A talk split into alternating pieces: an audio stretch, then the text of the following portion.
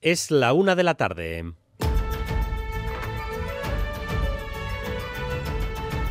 Crónica de Euskadi con Dani Álvarez. A Rachaldeón, la montaña rusa que fue ayer el Congreso de los Diputados con la convalidación de los decretos del Gobierno ha dejado hoy más de un estómago revuelto. Caras de satisfacción, lo que se dice de que todo ha salido bien, solo la muestran los socialistas y Junts. Pero está claro que el aroma triunfalista de la investidura hoy está bastante emborronado. Si empezamos así, pocos confían en que se pueda llegar hasta el final. En todo caso, la vicepresidenta María Jesús Montero enseña hoy el trofeo de los dos decretos aprobados y dice que calma, que es la legislatura del diálogo y que ya nos podemos ir acostumbrando porque vamos a ir de montaña rusa a Dragón Khan, pero dialogando.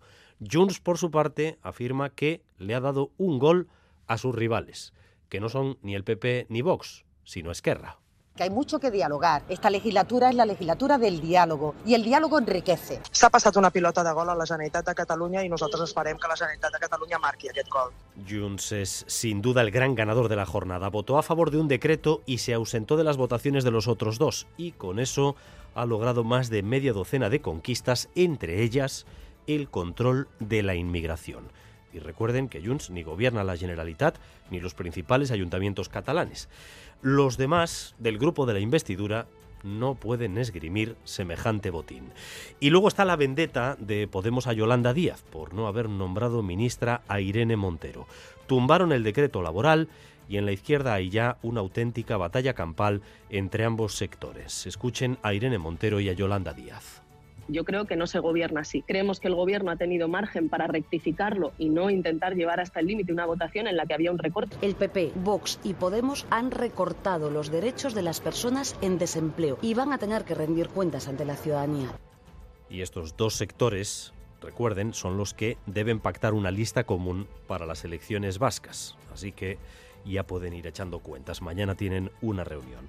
Por lo demás, en el vertido de pellets que afecta a la costa cantábrica, el gobierno vasco de momento no cree necesario activar nivel de emergencia, aunque hay un barco de vigilancia en el mar para ver la evolución de la situación. Y Manuel Manterola.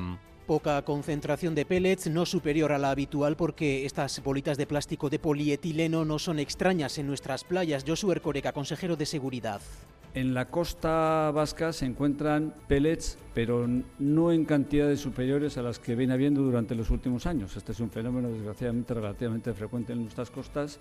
Un puñado de pellets recogido en una playa de Euskadi ahora en este momento no significa absolutamente nada.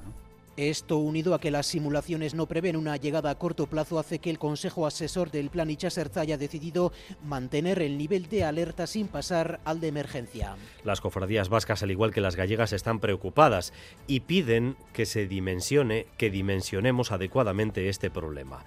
Esto ni es el Prestige ni tan siquiera se le puede comparar, lo decía esta mañana en Boulevard Eugenio El Duayen desde las cofradías guipuzcoanas. La gente tiene que estar calmada, la cantidad que es y tal, que no se compare con el Prestige ni nada y bueno, entre todos sí podemos solucionar en la mejor medida posible.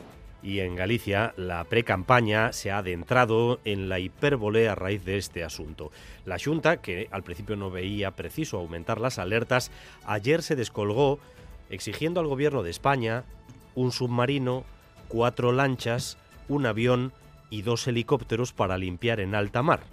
Vamos, que les ha faltado pedir un portaaviones y el ascenso automático del Depor. El presidente de la Junta cree que es lo adecuado, porque Madrid no se mueve.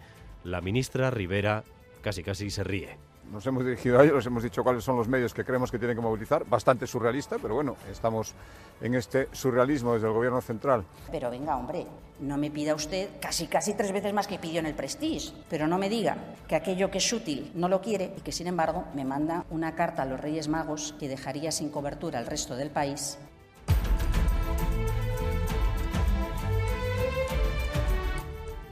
Israel se sienta esta mañana en el banquillo del Tribunal Internacional de Justicia por una denuncia de genocidio que ha presentado Sudáfrica por su actuación en Gaza.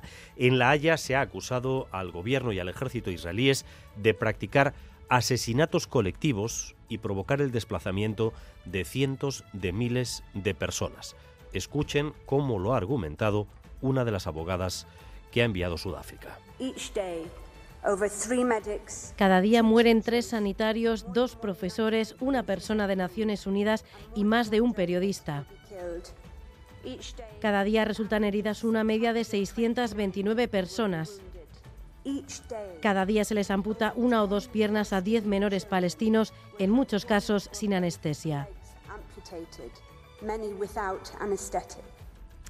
Veremos en qué queda esta denuncia. Sudáfrica, el único país del mundo que se ha atrevido a llevar a este tribunal a Israel. Y en el ámbito cultural, hoy sobresalen de nuevo las cifras sobre el cine. Los cines vascos han incrementado en 2023 un 40% su recaudación y un 34% los espectadores respecto al año 2022. Por tanto, recuperación completa tras los duros años de la pandemia. Son datos de la Asociación de Salas de Cine de Euskadi.